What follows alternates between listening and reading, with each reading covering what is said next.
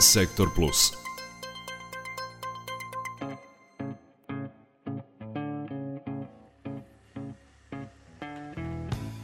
Briga o starima, bolesnima i nemoćnima kao i osobama sa invaliditetom neki su od osnovnih ciljeva Inđijskog humanitarnog udruženja 4 plus 1 i organizacije Caritas Sveta Anastazija iz Sremske Mitrovice. Unapređenje kvaliteta života tih građana kao i rad na ostvarivanju njihovih prava deo su aktivnosti tih organizacija koje brinu o starima širom Vojvodine. Pripremila Maja Stojanac.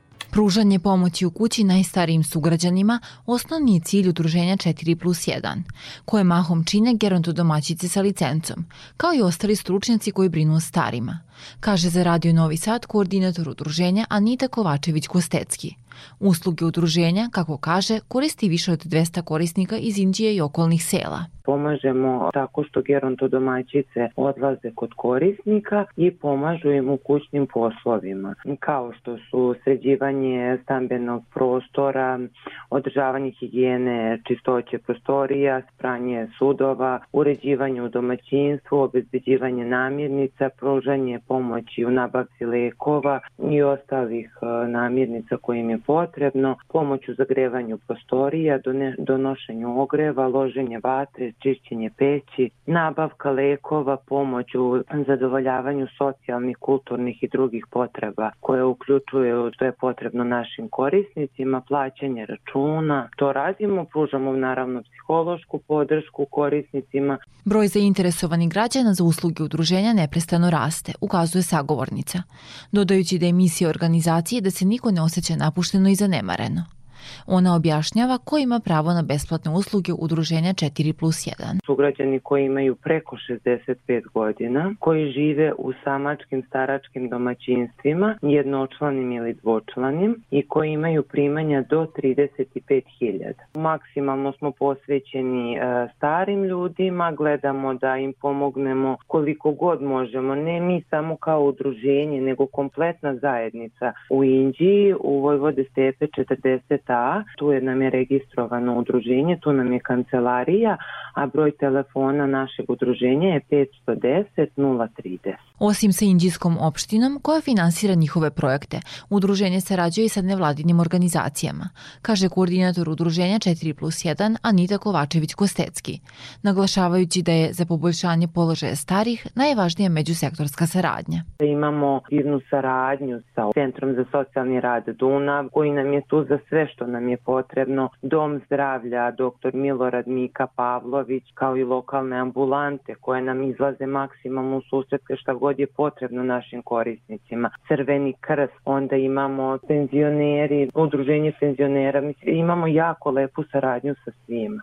U zimskim danima, kada mnogi nemaju ni jedan obrok, novac za ogrev ili toplu odeću, naročito je važno obezbediti dovoljno hrane. Te udruženje sarađuje i sa Bankom hrane Vojvodine, nevladinom organizacijom čija je misija smanjenje siromaštva, gladi i rasipanja hrane podela namirnica tako da dobijemo određenu količinu proizvoda od banke hrane Vojvodine. Mi pakujemo i raspoređujemo, znači šaljemo svim našim korisnicima što dobijemo od njih. Pomoć najstarijim sugrađanima pruža i organizacija Sveta Anastazija, koja je deo Karitasa Srbije, humanitarne organizacije Katoličke crkve. Udruženje pruža pomoć i ljudima bez rodbine, siromašnima, pacijentima na samrti, a pre svega starim i bolesnim građanima, objašnjava psiholog i koordinator te organizacije Kristina Dragišić, dodajući da osim pomoći u kući, udruženje pruža i zdravstvenu negu.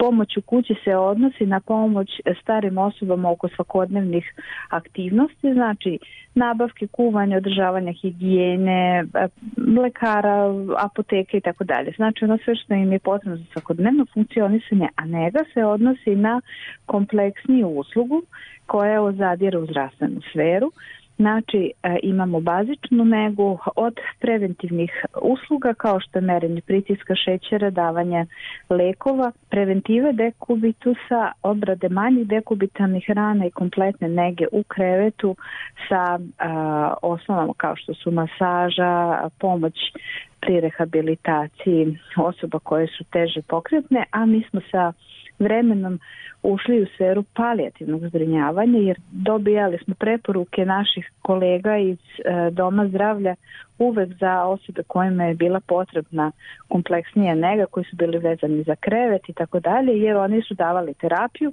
a mi smo se bavili negom tih teško obolelih, hronično obolelih i umirućih osoba. Program sprovode stručna lica, medicinski sestre i gerontodomaćice radi pružanja podrške siromašnim starim i nemoćnim osobama kao i onima sa mentalnim smetnjama, udruženje razvija i volonterski rad. Takav rad promoviše osnovne vrednosti Karitasa, poput humanosti i solidarnosti, kaže sagovornica. Volonteri su, objašnjava, najčešće studenti i srednjoškolci, a njihov doprinos je veoma značajan.